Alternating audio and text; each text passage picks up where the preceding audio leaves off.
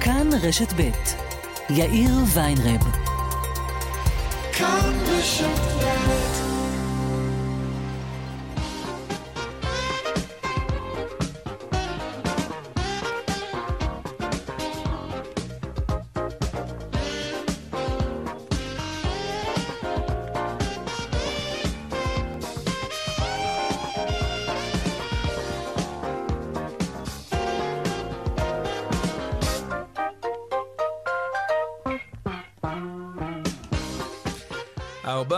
ועוד אה, חמש דקות וארבעים ושבע שניות. כאן צבע הכסף ברשת ב', יום שלישי, שלום רב לכם. בהפקה קובי זרח, טכנאי השידור חיים זקן. הדועל של צבע הכסף, אתם יודעים, כסף, כרוכית, כאן.org.il. המון תודה על כל המיילים שאתם שולחים לנו. אני יאיר ויינרב, מעכשיו עד חמש, אנחנו מיד מתחילים.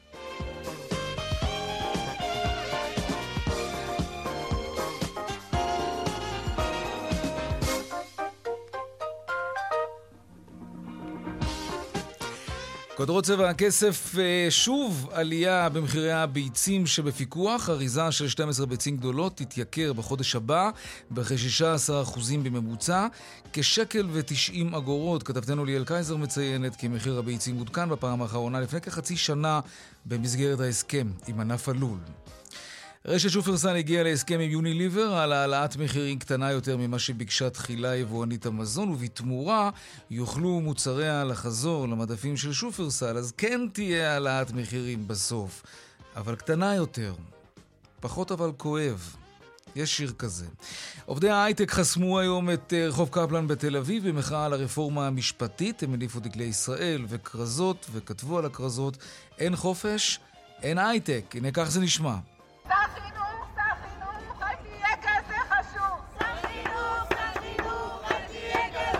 טוב, זאת הפגנת המורים שהתכוונו לספר לכם עליה, ולא ההפגנה של ההייטק, אבל כן, הם הפגינו, גם המורים וגם ההייטקיסטים הפגינו כנגד אותו עניין, הרפורמה המשפטית. אז נדלג על זה.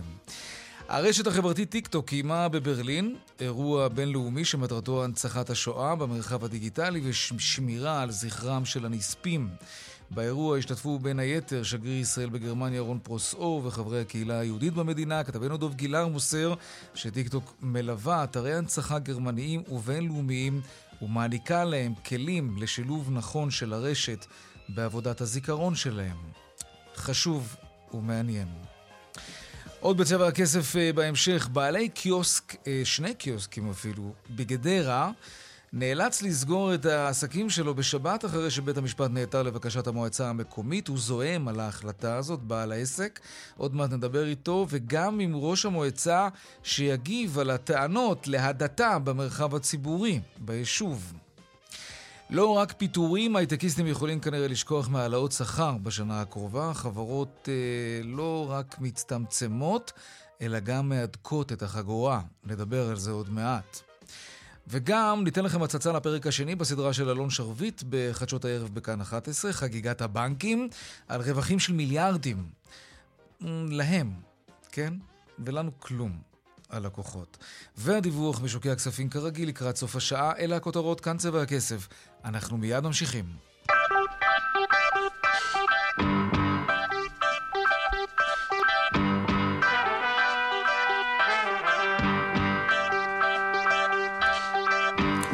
אנחנו פותחים במחאת ההייטקיסטים שלא מוחים על המשבר בענף, וגם לא על זה שלא יהיו להם העלאות שכר השנה, אלא על הרפורמה המשפטית. אה, עובדי ההייטק חסמו היום את רחוב קפלן בתל אביב, ואמרו בצורה ברורה, אם לא יהיה כאן חופש, אם לא נהיה דמוקרטיה, לא תהיה הייטק. לא יהיה הייטק. שלום איתי שיקמן, כתבנו לענייני טכנולוגיה.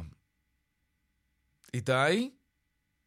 טוב, עוד מעט אנחנו נעלה על הקו אה, את אה, איתי שיקמן, כתבים על טכנולוגיה. בינתיים בואו נדבר עם אחד ההייטקיסטים. שלום שי אה, אנגלברג, ממובילי מחאת ההייטקיסטים, אהלן. תשמע, כל הייטקיסט אה, כבן אדם פרטי יכול להשתתף בכל הפגנה, אה, כולל בסופי השבוע. מה המשמעות של הפגנה ייעודית לעובדי הייטק? אה, מה אתם בעצם אומרים? קודם כל, אנחנו, ההייטק אה, כאן כחלק מהציבור הכולל, לא נפרד. כן, כן, אני זוכר ש... את ההכרה הזאת, זה היה בעצרת, סתם, כן, אוקיי, ברור. אמ, לא, חשוב להגיד את זה, אנחנו לא מפגינים רק כהייטק, אנחנו מפגינים כהייטק כאזרחים בישראל, וההייטק עצמו יש לו אמירה מאוד ברורה במחאה הזאת. אמ, והסיבה שאנחנו נפגשנו כהייטק היא כדי להגיד את האמירה הזאת. שהשינויים האלה יפגעו בכלכלת ישראל באופן מאוד מאוד משמעותי. אה, ואנחנו לא היחידים שאומרים את זה. איך אה, למשל, פרק- מה, מה, אתם חוש... מה אתם חוששים שיקרה? שחברות בעולם, מה, לא, לא יעשו איתכם עסקים בגלל שבישראל מחלישים את בית המשפט? הרי אתה יודע טוב מאוד שאת הקולגה שלך בארצות הברית או באנגליה לא באמת מעניין כן בג"ץ, לא בג"ץ, הוא אפילו לא יודע מה זה בג"ץ. אז ממה, ממה, ממה אתם חוששים שעלול לקרות לענף בגלל הרפורמה המשפטית הזאת? קודם כל אני חושב שאתה לא מדייק, אני חושב שכן יש להם מושג לגבי מערכת המשפט בישראל, ותכף אני אסביר למה. אמ, אבל יש כאן, אתה יודע, זה מורכב מכמה דברים. קודם כל משקיעים, וההייטק הישראלי מורכב אה, אה, ומושפע הרבה על ידי השקעות חיצוניות. משקיעים כבר מתחילים להביע חשש מהשקעה ב- בישראל בגלל מערכת אה, משפט שהיא לא עצמאית. ומה זה בא לידי ביטוי כשאתה אומר את זה שמשקיעים מביעים חשש? זה בדיוק כמו שזה נשמע. הם חושבים פעמיים האם לשים את הכסף בישראל. אה, אבל איפה, אה, איפה נתקלת בזה? אתה כהייטקיסט, מה, אתה, אתה מדבר עם משקיעים, אתה שומע מקולגות שלך? אני, אני מחפש אני את העובדה, חלק- את ה, לא, לא את העובדה, האווירה. כן. אתה יכול בשמחה לראות את ההצהרה שהצהירו אתמול אה, קרן ההשקעות אינסייט, שהיא קרן בינלאומית, כן. לגבי אה, אה, הערכים ומה שמצפים ממדינה שבה הם משקיעים, הם משקיעים בין הגדולים בארץ, נכון. וזה כתוב שם שחור על גבי לבן. מהמם. אז אם אתה מחפש את העובדה, אז אה, זאת עובדה ראשונה. והייתה אזהרה גם של חברת הדירוג, אחת מחברות הדירוג הגדולות בעולם. אוקיי, נכון, וגם קרנית פלוג ויעקב פרנקל הצהירו בעצמם שהדברים יפגעו בכלכלה, זאת אומרת, זה, כן. זה על קרקע מאוד פוריה של הרבה, אה, הרבה כלכלנים. אבל אתה יודע, יש מדינות כמו סין למשל, שרחוקה מדמוקרטיה שנות אור. כל העולם מתלונן על מה שקורה בסין מבחינת זכויות אדם. או סינגפור, שהיא בכלל דיקטטורה, נאורה, אבל, אבל דיקטטורה, וכל העולם עושה איתם עסקים. אז אתה יודע, יכול להיות שיש יש מין סוג של אווירה כזאת. אה, הקהילה הבינלאומית לא מעוניינת שבישראל תהיה איזושהי הקצנה שתתרחק מדמוקרטיה וכולי, אבל, אבל לא באמת חשש ממשי, יגידו לך אנשים בימין. מה תענה אז- להם? אה, והנה, שתי דוגמאות, סין וסינגפור למשל, ויש עוד. זה דוגמאות מעולות. קודם כל, אני חושב שהכל מדובר על המשאב, בסדר? כן. מדינת ישראל, ההייטק פורח בגלל המשאב האנושי, אה, היוזמה הישראלית, החדשנות, אה, וכל אלה מבוססים על ערכי דמוקרטיה. זאת אומרת, בלי הדמוקרטיה בישראל, כל החדשנות וכל היוזמות אה, והקידום ופיתוח הרעיונות החדשים, זה הקרקע וזה בעצם הכוח שמאפשר לה- להייטק הישראלי לצמוח. מהמם. ואני חושב שבלי אה, בלי מדינה דמוקרטית עם זכויות פרט אה, מתקדמות ומערכת משפט עצמאית, גם הטאלנט, גם ה- ה- ה- ה- הכוח האדם, היום בעידן הנוכחי, הוא יכול פשוט לזוז ו- ולעבוד במקומות אחרים. כלומר, אתה אה, חושש מנטישה של מוחות ישראליים בענף הטכנולוגיה העילית, בהייטק, יחפשו מקומות אחרים שיהיה להם נעים יותר ונוח יותר לגור בהם. פשוט יהגרו מכאן. בוודאי, בוודאי, וזה כבר, כבר רואים את זה, הרבה חברות שיש להן סניפים בינלאומיים, חלק מהאנשים כבר מחפשים לעשות רילוקיישן, והדברים האלה כבר קורים. אה, ואנחנו צריכים לעצור את זה. מהמם. ומערכת משפט לא עצמאית לא תאפשר לנו בעצם להילחם בתופעות האלה. תגיד, אה, זה, זה נראה, זה, זה מהמם, זה מקסים, זה יפהפה, שכשאתה רואה התגייסות חברתית, כשיש, כשיש איזשהו חשש ש, שהמשטר שלנו עומד להשתנות. זה, זה, זה דבר מבורך. אבל מצד שני, יכול להיות שכל האזהרות האלה אולי קצת מוגזמות, ואנחנו לא נמצאים במקום שבו הדמוקרטיה שלנו הולכת עוד רגע לאיבוד. כלומר, לא, אולי יש פה איזושהי הגזמה פראית, ש, שיש לה מניעים פוליטיים בכלל. אתה באמת חושב שאנחנו עלולים להפוך אוטוטו לדיקטטורה? או, או, או, אתה יודע, או מדינה דתית, מדינת הלכה, איראן? אתה, אתה באמת מרגיש שאנחנו שם? אז בואו רגע נפריד שנייה בין מה שאני חושב לבין, מה, לבין, לבין המצב ה, ה, ה, האובייקטיבי, בסדר? כן. קודם כל, ברמה אובייקטיבית, מגזר ההייטק כמגזר לא לקח חלק במחאות עד עכשיו, והסיבה שעכשיו ההתגייסות היא כל כך גדולה, היא כי באמת מרגישים את החשש מגיע מכל המקומות. אוקיי? זה בתור התחלה. אני חושב ש... אמ, זה דבר אחד. דבר שני, אנחנו כבר רואים את השינויים. אתה יודע, אם אתה רואה הצעות חוק, אה, חוק החמץ שגפני הגיש, אה, או הניסיון של מיקי זוהר לבטל את שבת ישראלית בשבת. אז זה, אני שוב, אני לא רוצה להיכנס למקום הזה, כי אנחנו לא מדברים על זה, אנחנו מדברים על המהפכה המשפטית, והקידום של החוקים של המהפכה המשפטית, הם כבר מונחים, הם כבר דנים בוועדת חוקה, זאת אומרת, זה לא אזהרת סרק. כן. אם נגיע למצב שבו הרשות ה...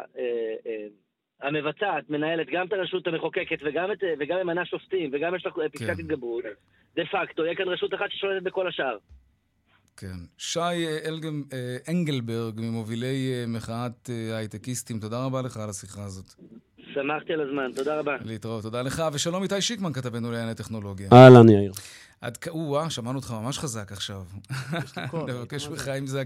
לא, לא, אל תחמיא לעצמך, זה פה משהו בצ'אנל. תגיד, אה, אוקיי, אה, זאת הפגנה סקטוריאלית, ראינו גם את המורים היום כן. אה, מפגינים. כן. זה, זה, זה משהו שככה, אתה יודע, מתחיל בהפגנות המוניות, ואז פתאום אנחנו רואים שכל מיני סקטורים בכלכלה שלנו מתחילות, מתחילים, אתה יודע, להפגין באופן עצמאי. מה זה אומר? כן, אגב, כשאתה אמרת מקודם שזו הפעם הראשונה שההייטק יוצא להפגין, אז אה, אתה יודע, נוסיף איזושהי כוכבית שבמחאה כן. של הקהילה הגאה על הפונדקאות, הרבה חברות הייטק התייצבו ליד ואפשרו את חופש המחאה שם לעובדים, לצאת ולשבות. נכון. שם התחושה הייתה שזה יותר, כן, גם משהו ערכי, אבל יחצני, אבל לא משהו שבאמת למנהלי החברות אה, כל כך אכפת. פה, זאת אומרת, אכפת מהבחינה של יפגע בכיס שלהם. פה, לפחות מה שאני שומע, ולא רק מהמפגינים עצמם, אלא גם מהמנהלים שיצאו והפגינו, וראינו שם אנשים כמו שאול אולמרט אה, ואסף רפופורט וינון אה, קורסיקה, אנשים אה, שהצעדים הללו, הם גם יוצאים להפגין כאזרחים, אבל הם גם יוצאים להפגין כאנשי עסקים, כמנהלים שבאים ואומרים, יש כאן אפשרות לפגיעה ממשית בכלכלה הישראלית, כך לדבריהם. אז ראינו, ראינו מאות עובדים יוצאים, עובדים וגם מנהלים, יוצאים ומוחים. המקום המרכזי היה ברחוב קפלן בתל אביב, שגם נחסם לשני הכיוונים במשך שעה ארוכה, אבל לא רק שם. ראינו את המחאה הזאת גם uh, בפארק המדע ברחובות, גם בהרצליה, גם ברמת החייל בתל אביב, גם באזור הבורסה, בקבוצות יותר קטנות, mm-hmm. ועדיין המחאה העיקרית, כאמור, הייתה ברחוב קפלן. יש לנו קטע להשמיע לכם מאיך זה נשמע שם בשטח? כן, הנה. הנה. לוין, פה זה לא פוליט, לוין, פה זה לא פוליט. צריך לומר, אה, יאיר, אנחנו כן. מדברים על אה, אירוע שעבר יחסית בשלום ובשקט, כשהמשטרה הגיעה לשם לא בכוחות גדולים מדי, מתוך אולי איזושהי הערכה מודיעינית באמת שלא מדובר במפגינים אה, שיעשו יותר מדי בעיות, אבל הם כן חסמו שם את הציר. המשטרה אפשרה את זה מתוך הבנה אה, שב-12 המפגינים, אה, איך נקרא לזה? אתה מכיר את אה, ויחזרו לתלמודם? אז פה כן. זה ויחזרו למשרדיהם. אה, כן היה אירוע אלימות נקודתי, שנהג רכב אה, יצא מהרכב שלו, התעצבן על המפגינים, אה, להבנתי גם קפץ עליהם, והם... אה, השיבו גם, אפשר לומר, אה, באלימות. האירוע הזה היה אירוע נקודתי, בסך הכל המחאה של ההייטקיסטים okay. אוקיי. עברה בשלום, אה, והם מבטיחים שזה לא הצעד האחרון במחאה שלהם. איתי שיקמן, תודה רבה. תודה. ואולי גם זה קשור איכשהו לסיפור. בית משפט הורה לבעליו של שני קיוסקים בגדרה להפסיק לפתוח בימי שבת. בעל העסק זועם על ההחלטה שהתקבלה בעקבות פנייה של המועצה המקומית שם בגדרה. שלום יוסי שוורץ, הבעלים של העסק. שלום, אחר הצהריים טובים. גם לך. אתה בעלים של שני קיוסקים, נכון? אני הבעלים של רשת סיטי מרקט, זה מרכולים שכונתיים, mm-hmm. בפריסה ארצית, מפעילים כ-70 במספר, בשטחים ובג... בינוניים של בין 200 ל-1,000 מטר. אוקיי, ובגדרה יש לך, אתה מפעיל בעצם שני קיוסקים, ונהגת להפעיל... שני מרכולים אות... שכונתיים. שני מרכולים. ב... Mm-hmm. בשכונת uh, גולדה, זו שכונה חדשה, דיור למשתכן, 1,400 יחידות דיור. שתי מרכזים מסחריים משולבי... כמה שנים אתה מפעיל את העסקים האלה, וזה כולל בשבת? אני בתחום מעל 20 שנה. את העסקים האלה, מכיוון שזו שכונה חדשה, אני הייתי מהחלוצים שהגיעו לשכונה mm-hmm. ביחד עם האכלוס. לפני כשנה וחצי לערך. אוקיי. Okay. שנה וחצי אתה פותח את המרכולים שלך שם, 24-7, ואז מה קורה? אה, בוא נגיד, אה, הפעלנו את המרכולים כשנה לערך, פלוס מינוס על תפוסתי ככה, אה, כן. מתכונת 7-24, שהקהל הצביע ברגליים, הגיעו בהמוניהם בסופי השבוע, ואמרו, ברכו על המהלך המבורך, אמרו, איזה כיף, אנחנו כמו בתל אביב, רמת גן, חולון, בת ים, גבעתיים וכו', ראשון וכו', גם לנו סוף סוף יש את השירות הזה. ישוב ללא הפסקה. הכל כך נחוץ. כן, בואו נתקדם עם הסיפור. מה קורה פתאום? עקב ניסו מספר פניות של אה, אה, הרב של, הרב של, של הבית כנסת ליצור איתנו קשר ומחאות פנימיות לסגור אותנו בשבת. הגיעו בסוף למחוזות שלא ציפינו, הגיעו ליואל גמליאל, ראש המועצה, שכמובן יש לו את המחלקה המשפטית, שהפעיל את המחלקה המשפטית, שהתחילו לבוא לעקוף אותנו באופן אינטנסיבי, שישי-שבת, לכל סופר, קנס של 730 שקל בשישי, 730 שקל בשבת. תוך חודש היינו כבר בבית משפט בהליך מזורז אה, לפני צו סגירה, אה, ושם הובהר לנו שיש לנו שתי אופציות, או לקבל צו מיידי, או לתת לנו תקופת התארגנות לסגירה, דהיינו אחרי פסח ראשון וחמישי המקום סוגר שעריו, בסופי שבוע מועדי ישראל וכו'. אוקיי. כרגע זה הפסיס של הסדן, בחרנו ב... המרכולים נמצאים, כן, כן, לא, ברור, אבל המרכולים נמצאים בליבה של שכונה דתית, או משהו כזה? ממש לא, לא, ממש לא. השכונה הזאת שכונה חדשה, שכונת גולדה, אה, שהוקמה בשום צביון, אה, לא, לא הוגדרה לצביון דתי, אלא 80% מהקהל זה, משפ... זה אחד, משפרי, משפרי דיור כמובן, ודיור למשתכן. כן. אה, וכולם, 85 אחוז אה, חילונים. תראה, אני מבין חילונים. שמבחינה כלכלית נפגעת, זה ברור. אתה לא יכול להפעיל את העסק כפי שהפעלת אותו קודם, אבל אתה יודע, אנחנו חיים במדינת ישראל, יש פה סוג של סטטוס קוו. זה לא המקום היחיד בארץ שבו אסור לעסקים לפתוח. גם אני גר ברעננה, כל העסקים שם סגורים. אם אני אוהב את זה? לא, אני לא אוהב את זה. אבל אתה יודע, יש, יש סטטוס קוו בין יהודים. בין דתיים לחילונים. למה זה כל כך רע, אם, אם תיאלץ לסגור יום אחד באמצע השבוע? כלומר, לא באמצע השבוע, בסופו של השבוע, סליחה. בסופו של דבר, כן. אנחנו משרתי ציבור, אוקיי? כן. נותנים לאימא של התקיעה בלי סימילק או בלי אה, אגיסים לילדים, כן. לבוא ולתת מענה, או לבן אדם שבאו להפתיע אותו, לארח ביום שבת, לרדת לקנות אבטיח וגרעינים, אוקיי? Mm-hmm. אה, וכמובן, היגיינה נשית וכולי, עוד המון המון דברים שאנשים נתקעים מהרגע להרגע. היום, בגדרה מופעלים סופרים בשבת, אל תתבלבל. כן, אבל הם נמצאים, אה, לטענת ראש העיר, לראש המועצה, יואל גמליאל, הוא לא כן. עושה נגדם עקיפה כי הם פחות מציקים, כי הם על הכביש הראשי, אה, ו... כי זה בפאתי העיר. בתחנות דלק. בפאתי העיר. אוקיי, בואו נצרף לשיחה שלנו את יואל גמליאל, ראש מועצת גדרה. שלום יואל. שלום וברכה. ממש מלחמת דת אצלך בגדרה. חס וחלילה, שום מלחמת דת. למה לא? כי אני אסביר.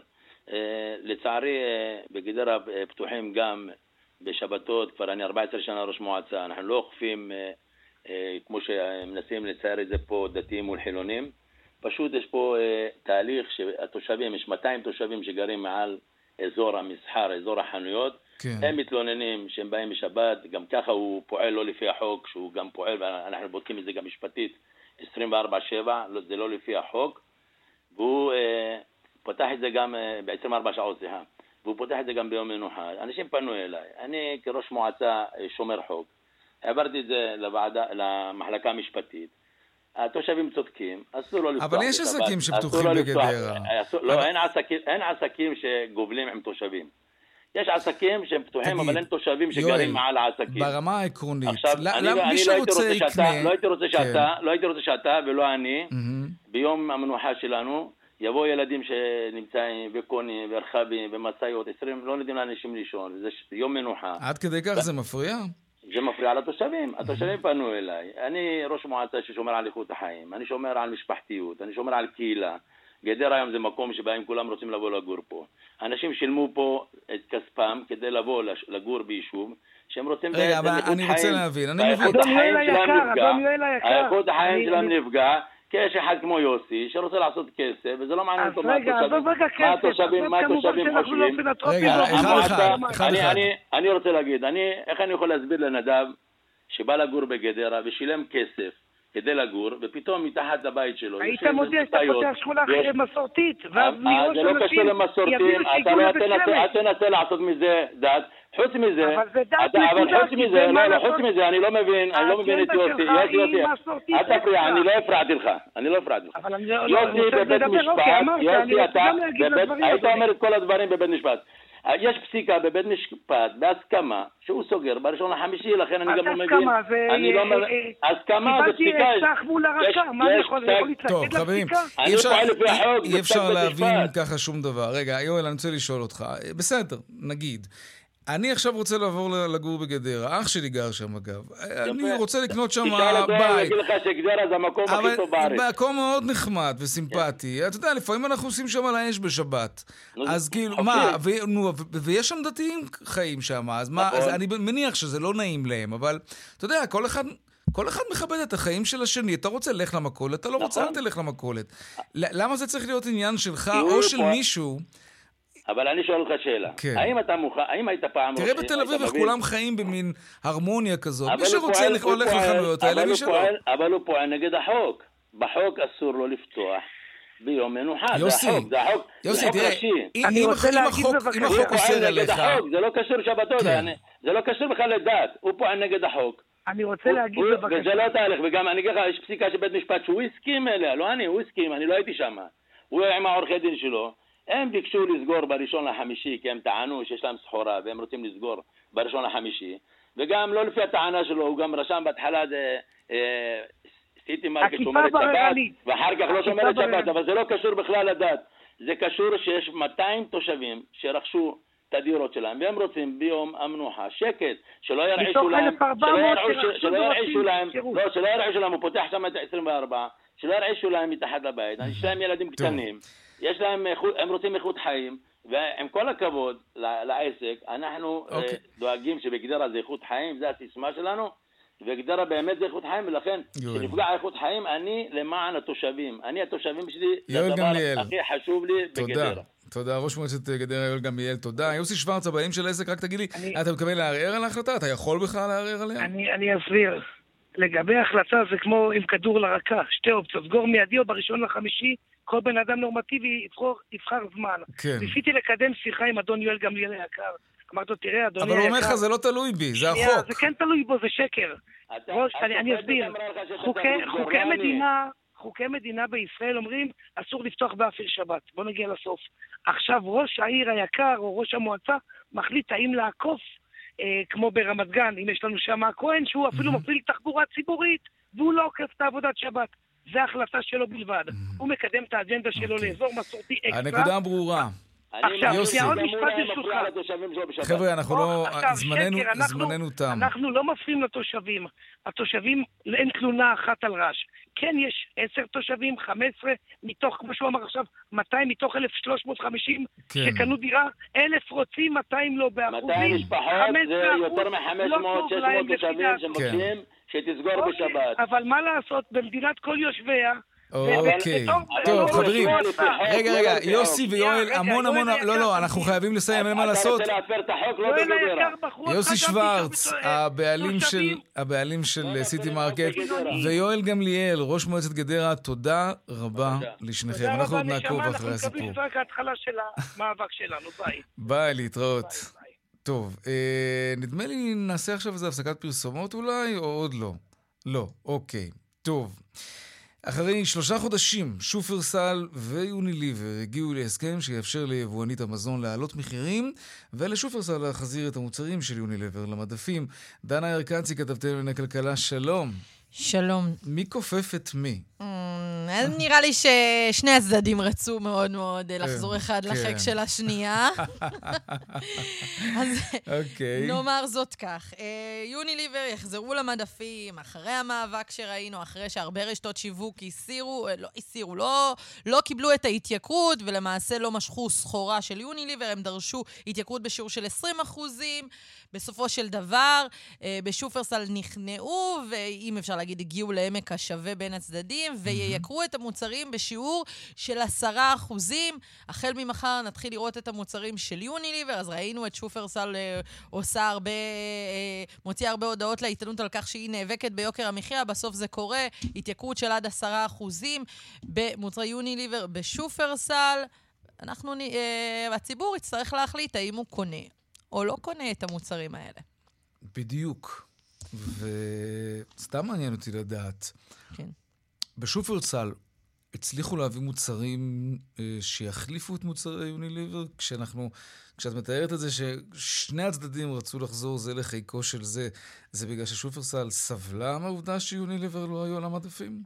שוב... שום דבר לא נכנס לתוך הוואקום הזה? לא, אנחנו ראינו uh, שהגיעו עוד מוצרים, וראינו ששופרסל uh, הרחיבה את המותג הפרטי שלה mm-hmm. בכ-20 uh, אחוזים, היא ניצלה את האירוע הזה, ראינו שהיא מכניסה הרבה מוצרים של ווילי פוד בזמן הזה. נכון, נכון אז מה ההצלה הדרך? אז למה בכל זאת? אז עכשיו הגיעו להסכמות, עכשיו ראינו שמתעסקים יותר uh, במחאת, uh, uh, המחאה נגד רפורמת המשפט, mm-hmm. הסיפור של יוקר המחיה כבר לא uh, בכותרות הראשיות, וזו הזדמנות של שופרסל לעשות את המהלך הזה, מה גם שצריך להגיד, בכירים ביוניליבר אמרו שהם כל הזמן מקיימים משא ומתן עם הרשתות, הם בסופו של דבר יחזרו למדפים, תהיה התייקרות, אולי לא כן. לא תהיה התייקרות בשיעור שהם דרשו בהתחלה, אבל גם 10 כן. אחוזים, אולי, אולי מ-20 אחוזים פתאום 10 אחוזים נשמע, נשמע קצת יותר טוב, זה עדיין התייקרות אה, בשיעור אה, גבוה לנו הצרכנים. כן.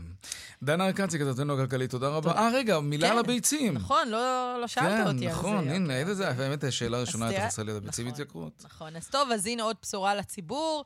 מחודש אה, אה, פברואר אה, יהיה עדכון נוסף למחירי הביצים. אנחנו זוכרים שכבר ביולי אה, כן, מחיר הביצים מתעדכן ב-7%. ב- נכון, זה היה כחלק מהסכם בענף אה, ההטלה, אה, יחד עם משרד האוצר והחקלאות. עכשיו הוא צפוי להתעדכן אוטומטית ב-16%. זה אומר שתבנית ביצים אקסטרה לארג' תתייקר ב-2 שקלים ו-9 אגורות, תבנית ביצים בגודל לארג' תתייקר בשקל ו-90 אגורות, mm-hmm. תבנית בגודל מדיום תתייקר בשקל ו 70 אגורות, וזאת לא התייקרות פעוטה, זה... לא, uh, ממש לא. ממש לא. דנה ארקנצי, כתבתנו הכלכלית, תודה רבה. תודה. עכשיו בואו נבדוק מה קורה בכבישים.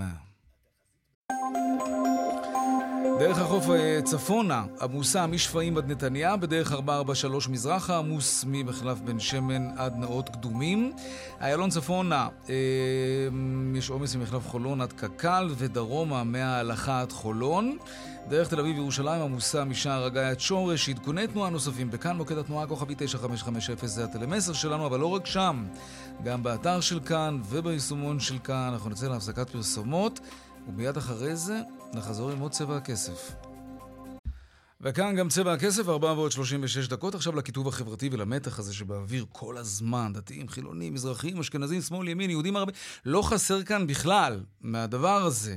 איך כל זה עלול להשפיע על הכלכלה? זאת השאלה שאנחנו רוצים לשאול כאן. שלום, דוקטור לירז מרגלית, חוקרת התנהגות צרכנים, מה שלומך? שלום, בסדר גמור. יש לאקלים פוליטי יכולת להשפיע על כלכלה, שמה הקשר בכלל? אני צורך כי אני צריך, מה מעניין אותי בכלל מה חושב או מאמין בעל העסק? מה זה עניין שלי?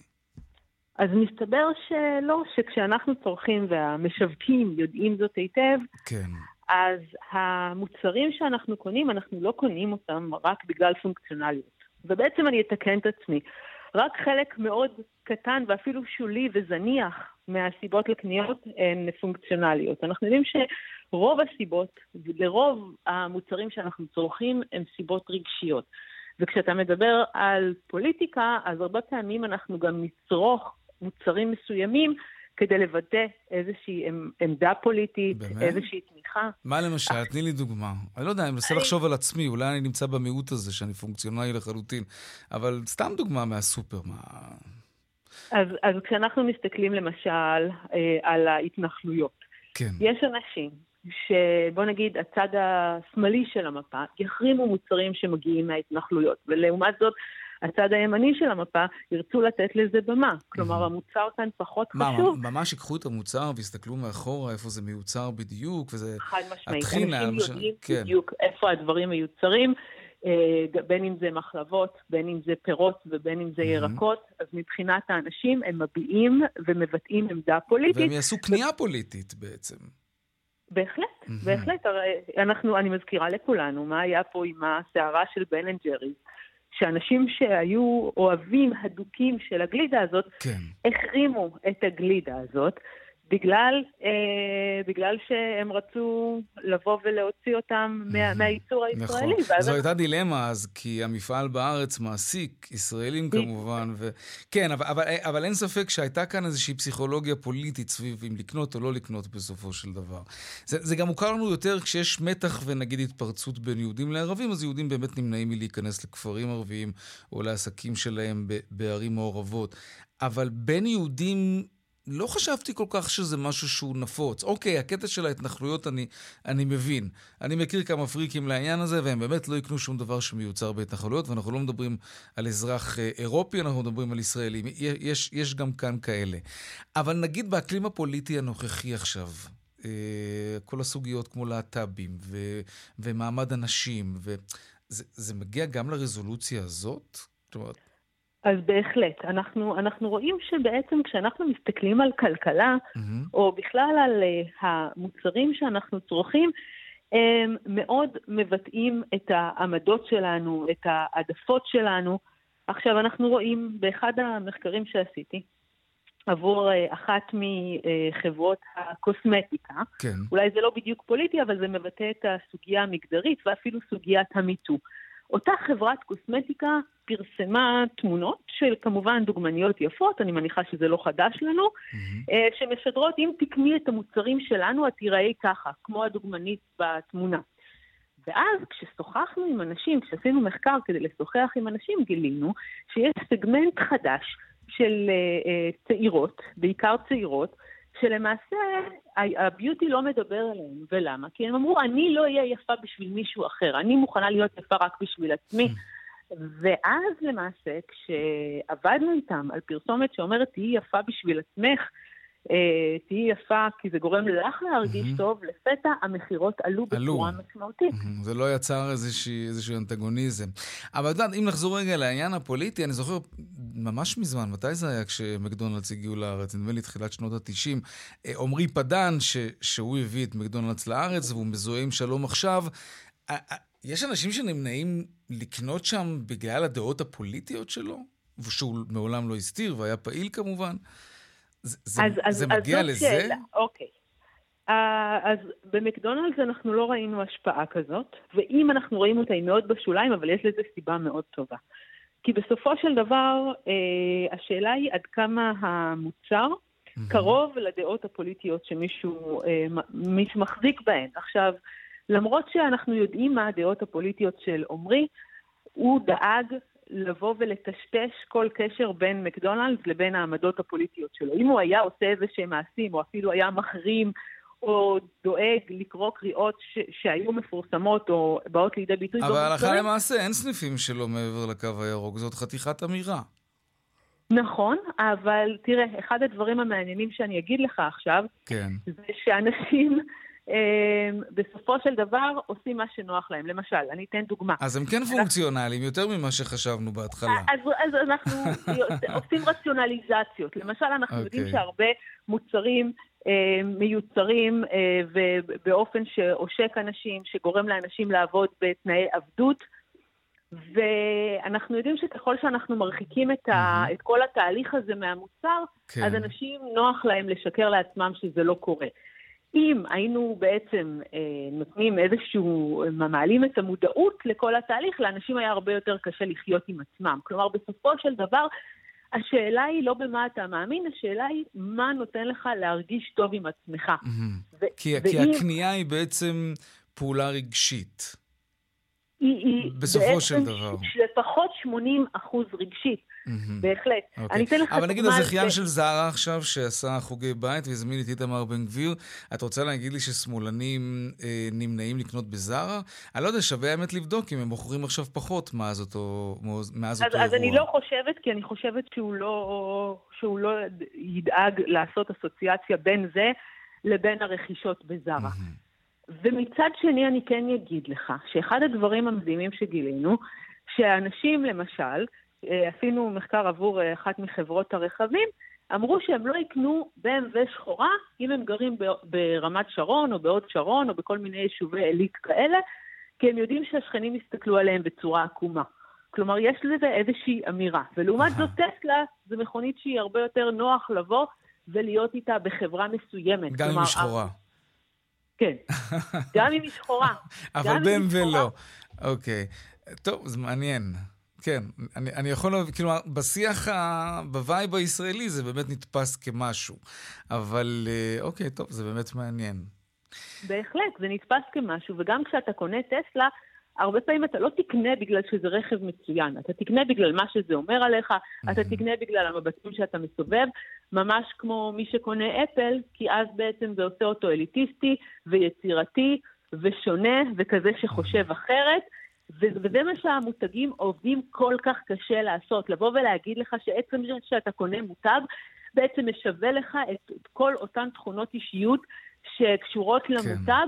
ו- ובסוף המותגים בינינו הם הרבה פעמים מיוצרים באותו פס ייצור, אותם חומרים, אבל השיווק mm. עובד פה שעות נוספות. אוקיי. Okay. דוקטור לירז מרגלית, חוקרת התנהגות צרכנים ומעבירת קורס הפסיכולוגיה של הצרכנות בפלטפורמת סקרינס. Uh, תודה רבה. תודה רבה. להתראות. טוב, אנחנו לעניין הבא שלנו. אה, אנחנו בגל פיטורים בהייטק, זה, זה כבר ברור. עוד לא ברור לגמרי מה היקף הגל הזה, אבל חברת סבירן למשל אה, פרסמה שיש זינוק במספר החברות שפיטרו יותר מחמישה אחוזים מכוח האדם של החברה. ועוד נתון מעניין של החברה הזאת שעוסקת בסקרי שכר, זה שרק שישה אחוזים מהחברות אומרות שהן יעלו שכר בשנת 2023. רק שישה אחוזים מהחברות אמרו שהן יוכלו לעשות את זה, וגם לא בטוח. זה בהחלט מלמד משהו. שלום אבי ניר, מנכ"ל חברת קומפוויז'ן, המתמחה בתגמול ושכר, מה העניינים? היי יאיר, בסדר גמור, מה שלומך? על הכיפאק. תראה, אחרי הקורונה הייתה תופעה כזאת של עובדים שאמרו למעסיקים שלהם, אתם רוצים שנחזור, אה? תעלו, תעלו. לפי הנתונים האלה, החגיגה הזאת אה, די נגמרה, לא? אה, באופן זמני כנראה שכן. כלומר, יש פה איזה תהליך שנקרא לו רגע חזרה לשפיות, כי באמת היינו בגל די מטורף.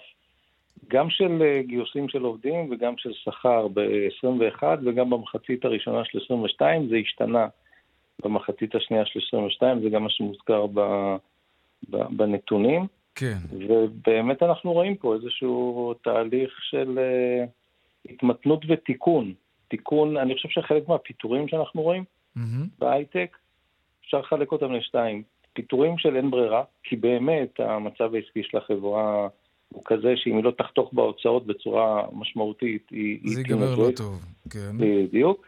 ואני אקרא לזה פיטורי, אני אקרא לזה רגע התייעלות, במובן הזה שאם כבר המצב מאפשר את זה, אז זה מאפשר גם לעשות אה, איזשהו בדק בית לגבי הצד האיכותי של האנשים, ואז גם אה, לעשות פה איזשהו תהליך אה, שמבחינת החברה, אני אקרא לו רגע התייעלות, אפשר לקרוא לו בכל מיני שמות אחרים. אתה מרגיש מהלקוחות שלך שיש חברות שהולכות להפחתות שכר כדי להימנע מפיטורים?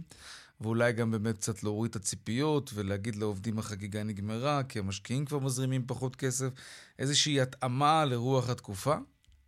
אני אתחיל מהסוף. אף, כנראה שאף חברה לא תגיד לעובדים שלה החגיגה נגמרה.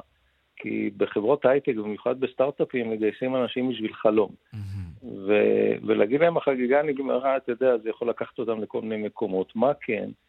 אני חושב שאחד, עובדים רבים יבינו על בשרם שלא יהיו עליות שכר השנה, פשוט לא יהיו. ירידות והורדות יקרו במקרים, להערכתי, מאוד בודדים, אלא אם כן המצב הכלכלי יהיה ממש קטסטרופה, mm-hmm. אבל בהנחה שזה לא שם, אני קשה לי לראות ירידה, אלא בדבר אחד בצורה משמעותית, וזה גם, אני חושב, מוזכר, הנושא של מחירי הגיוס. כלומר, כשאתה מגייס עובד חדש, מה שקרה בשנה שעברה, ב-21 ועד אמצע 22, שהמחירי הגיוס של עובדים חדשים היו גבוהים, וגם יותר גבוהים ממשכורת מקבילה של מי שכבר עובד בחברה. את זה כבר רואים בירידה. כן. כלומר, את המשכורות... איזו ירידה? ירידה של מספר אחוזים בודדים בינתיים, אבל זה כבר תלוי מקצועות, כי יכול להיות שיש מקצועות שיש שם ירידה של 10% או 15%. רגע, ועל אילו ו... רמות שכר אתה מדבר למשל? תשמע, זה יכול להיות אה, מרחב די גדול, אבל בוא נגיד אנשים במשכורות של אה, 20 בנמוכות, 20 אלף שקל, ו-50 בגבוהות, וגם יותר. וגם יותר. ככל שזה יותר גבוה, זה גם כנראה קצת יתמתן יותר. אבל זה לשים לב למחירי הגיוס של עובדים חדשים. חברה שתעשה צעד ממשי של להוריד שכר, נגיד רוחבית לכולם, יהיה מאוד אה, נדיר כנראה, אבל שם זה באמת יהיה, כי החברה עצמה במצוקה עסקית תזרימית כן. מאוד מאוד, אה, מאוד מאוד קשה. אני חושב שזה עדיין אה, מיעוט של החברות. אוקיי, אוקיי, אבי ניר, מנכ"ל חברת קומפוויז'ן, המתמחה בתגמול שכר, תודה על השיחה הזאת. לא מעודד מה שקורה וצפוי לקרות בתקופה הקרובה בהייטק. קצת, קצת, קצת לא מעודד, כן. קצת לא מעודד. אני נשאר על המשפט אולי... הראשון שלך, אני מניח שמי שנמצא בהייטק והאזין לך, אז הוא נשען על זה שזו הפסקה זמנית, אבל uh, אתה יודע, בוא, כן, בוא נמתין ונראה. כן, יש גלים כאלה. הבנק העולמי אומר מיתון ב-2023, אז... אה, בסדר, 2023 יכול להיות. בדיוק, בוא ניפגש ב-25 ונדבר. בדיוק. תודה, אבי. טוב, בכיף, תודה, יאיר. להתראות. ביי ביי. עכשיו לסדרת הכתבות שלנו, חגיגת הבנקים, על רווחי המיליארדים הבלתי נתפסים של הבנקים בחצי השנה האחרונה, על הריביות שעלו ועל הציבור לעומתם שממשיך לשלם את יוקר החיים והמחיה. שלום אלון שרביט, כתב המגזין של כאן חדשות, מה היום בפרק השני של הסדרה שלך, שצריך לומר, משודרת הסדרה בחדשות הערב בכאן 11, אלון. כן, היום uh, בטח כבר שמעת, הכי טוב זה למכור כסף. הריביות עלו וכולם אה, רוצים יקר. למכור לנו כסף, נכון. בדיוק. כן. אז uh, זה מתחיל מרמי לוי ומגיע עד הבנקים הגדולים וחברות כרטיסי אשראי. כן, הלוואות. אה, הלוואות, בדיוק. כן, נכון, כן. כן. בסופו של דבר, כשהריבית גבוהה, אז ממש זה עסק משתלם. ממש כדאי, כן. אז uh, אנחנו ניסינו לבדוק, א', עד כמה זה קל, ומתברר שזה מאוד מאוד קל. לא צריך ערבויות, לא צריך ביטחונות, לא בודקים כמה ההכנסה שלך. איך יכול להיות, אגב? מה, רמי לוי הוא איש עסקים ממולח. הוא לא ייתן לך כסף בלי לדעת שאתה, שאתה או יכול להחזיר לו את זה, ואו אם אתה לא יכול להחזיר לו, אז יש לו מה לקחת אחר כך. אוקיי, okay, אז בוא תראה. קודם כל יש דבר כזה שנקרא זכאות. הם עושים בדיקה בבנק ישראל שיש לו כמה כן. פרמטרים. Mm-hmm. הדירוג אשראי שלך, בדיוק. רואים שאתה בסדר. רואים שלא חוזרים לך חשבונות בכרטיסי אשראי, mm-hmm. רואים שיש לך משכורת, רואים שאתה לא לקוח בעייתי, אין לך תיקים בהוצאה לפועל. את הבנק זה מכסה, אל תדאג, האותיות הקטנות מכסות אותן טוב מאוד. לא דואג. הבעיה היא, מהו, מה קורה עם אותן אותיות קטנות שאתה מפגר בתשלום. Mm, בעצם האותיות אז... הקטנות הופכות לסיוט גדול. אנחנו ליווינו כמה אנשים שבעצם לקחו הלוואה. תן כמה דגשים, למשל. למשל, ברגע שקיבלת מכתב מעורך דין והחשבון שלך נחסם, אין לך מושג ואתה לא יודע מה קורה באותו רגע בחשבון. אני רוצ... אתה אומר לבנק, אני רוצה לעקוב, אני רוצה לראות מה קורה איתי, כמה ריבית פיגורים אני משלם, מה קורה עם החשבון. אז יורד מסך שחור. אתה לא יכול לדעת כלום. אתה לא יכול להסתכל על החשבון שלך? אתה לא, אין, אתה לא יכול להיכנס קודם, לחשבון. רגע, אבל קודם כל בוא נצא מתוך נקודת ההנחה שאנשים צריכים, לוקחים הלוואות, הם צריכים להחזיר אותם. ברור. נקודה. ברור. חתמתם, תכבדו. אבל אתה אומר. בסדר, זה גם קורה, החיים עצמם חזקים מכל דבר אחר. אנשים נקלעים למצוקה ולא מצליחים להחזיר את ההלוואות. מאותו רגע, אתה אומר, הם נכנסים לסיוט בלתי נגמר, שלאו דווקא נובע מהעובדה שהם לא יכולים להחזיר את הכסף. אין גישה לחשבון. אין. אתה לא יכול לדעת מה קורה איתך. עכשיו, האפשרות היחידה שלך כן. היא דרך עורך דין. אם יש לך עורך דין שמייצג אותך, הוא מצליח לשלוף את המידע הזה. Mm-hmm. ואז, להפתעתך רבה או לא רבה, אתה נכנס לריבית פיגורים שמתחילה ב-11 אחוזים, מגיעה ל-13, לא כולל שכר טרחת עורך דין. וואי. קיצור, זה מתחיל להתגלגל למקומות מאוד לא טובים. אבל למה? מה אומרים הבנקים? למה אני לא יכול להציץ בחשבון שלי להבין מה קורה שם? תראה, בסדר, אני בבעיה, אני אחזיר לכם 100%, תעקלו לי, תחסמו לי. למה אני לא יכול להסתכל אבל לראות מה קורה שם? בסופו של דבר, ברגע שהחוב שלך עובר למשרד עורכי דין, בעצם הבנק כבר לא מטפל בך יותר, הוא לא יודע מי אתה. באותו רגע, מי שמטפל בך זה העורך דין, אז אומרים לך, תפנה לעורך דין. אבל אתה אומר להם, אני לא מכיר את העורך דין, אני מכיר את המספר חשבון שלי. אומרים, כן, אבל ברגע שלא החזרת, אתה כבר עובר למחלקת אוקיי. הכרישים, מה שנקרא. אז אוקיי, אה, בוא, בוא נשמע קטע מהכתבה שלך שתשודר היום בחדשות הערב, גם כדי להבין, בעיקר אולי כדי להבין, עד כמה קל, אם אתה לא מספיק אחראי כלפי עצמך, להיכנס לתוך הסחרור הזה. כמה קל לקחת הלוואה, נכון? נכון. הנה. כל חברת אשראי רוצה למסור לך הלוואות. אתה הולך לסופר, רמי לוי נותן לך הלוואות. כולם רוצים לתת לך הלוואות. עכשיו, יש לזה סיבה. העלו את הריבית. משתלם למכור כסף היום. לבקשת הלוואה ללקוחות כל הבנקים, נא להקיש אחת. אתה מבין? זה הראשון בתור. קודם כל, הלוואה. מספיק להקיש בגוגל את המילים הלוואה לכל מטרה, וכבר יש תחושה שהמסך רוצה לבלוע אותך פנימה. פנינו לפרסום של הבנקים הגדולים ולחברות כרטיסי האשראי.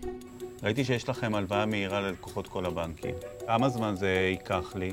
כאילו. חמש דקות, שבע דקות בדיקה, יש לך כרגע זמן? אה, מה אתה יכול להציע לי? הלוואה של 100 אה, אלף שקלים. והתהליך הוא בעצם דרך האתר. 100 אלף, 200 אלף, הכל מהיר. לא צריך ביטחונות, גם לא ערבויות. לא, לא, לא, לא מעגלים שום דבר, לא משעבדים שום דבר, ולא צריך... אה, לא, עושים את הבדיקת זכאות לפי זה. זה האינדיקציה שלנו. או-אה, טוב, זה באמת קל. ומפתה. אלון שרביט, הערב, חדשות הערב, וכאן 11. אה, חגיגת הבנקים, תודה רבה. תודה. ביי, אלון. עכשיו לעדכון בשוקי הכספים. 200, take them.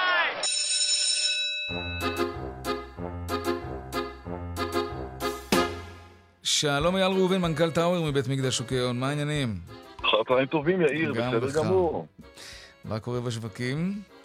מה, אנחנו בעיצומה של עונת הדוחות uh, בארצות הברית, שבסך הכל החברות הגדולות, מדד, החברות במדד הדאו ג'ונס פרסמו עד כה דוחות, הבנקים, חברות התעשייה הגדולות, הקמעונאות, סך הכל דוחות חיוביים יחסית לתקופה, תרמו למומנטום החיובי שאפיין את השווקים בימי המסחר האחרונים. גם אתמול ככה הבורסה האמריקאית אה, בלילה סיימה את המסחר ב-2% בממוצע של עליות.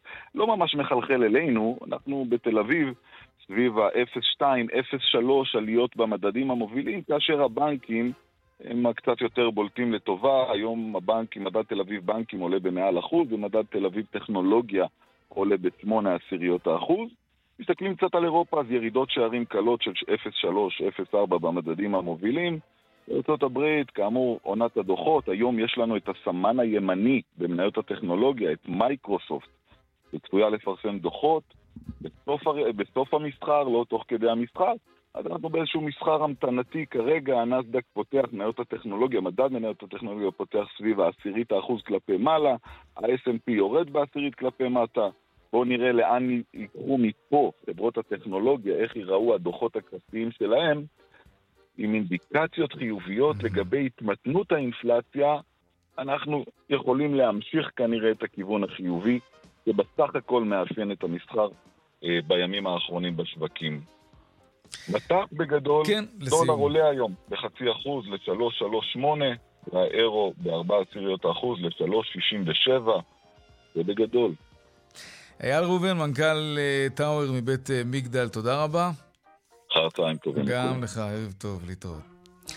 עד כאן צבע הכסף ליום שלישי בהפקה קובי זרח, טכנאי השידור חיים זקן, במוקד התנועה הייתה חגית אלחייני, הדואל שלנו כסף כרוכית kan.org.il. מיד אחרינו בנימיני וגואטה, אני יאיר ויינרב, נשתמע כאן שוב מחר בארבעה אחר הצהריים, רונן פולק יהיה כאן מחר. אם עדיין לא הורדתם, זה הזמן לסרוק את הקוד ולהוריד לטלוויזיה החכמה שלכם את היישומון החדש כאן בוקס. כל עולם התוכן של כאן נמצא כאן בחינם, בלי פרסומות. תהנו מזה. ערב טוב ושקט שיהיה לנו, שלום שלום.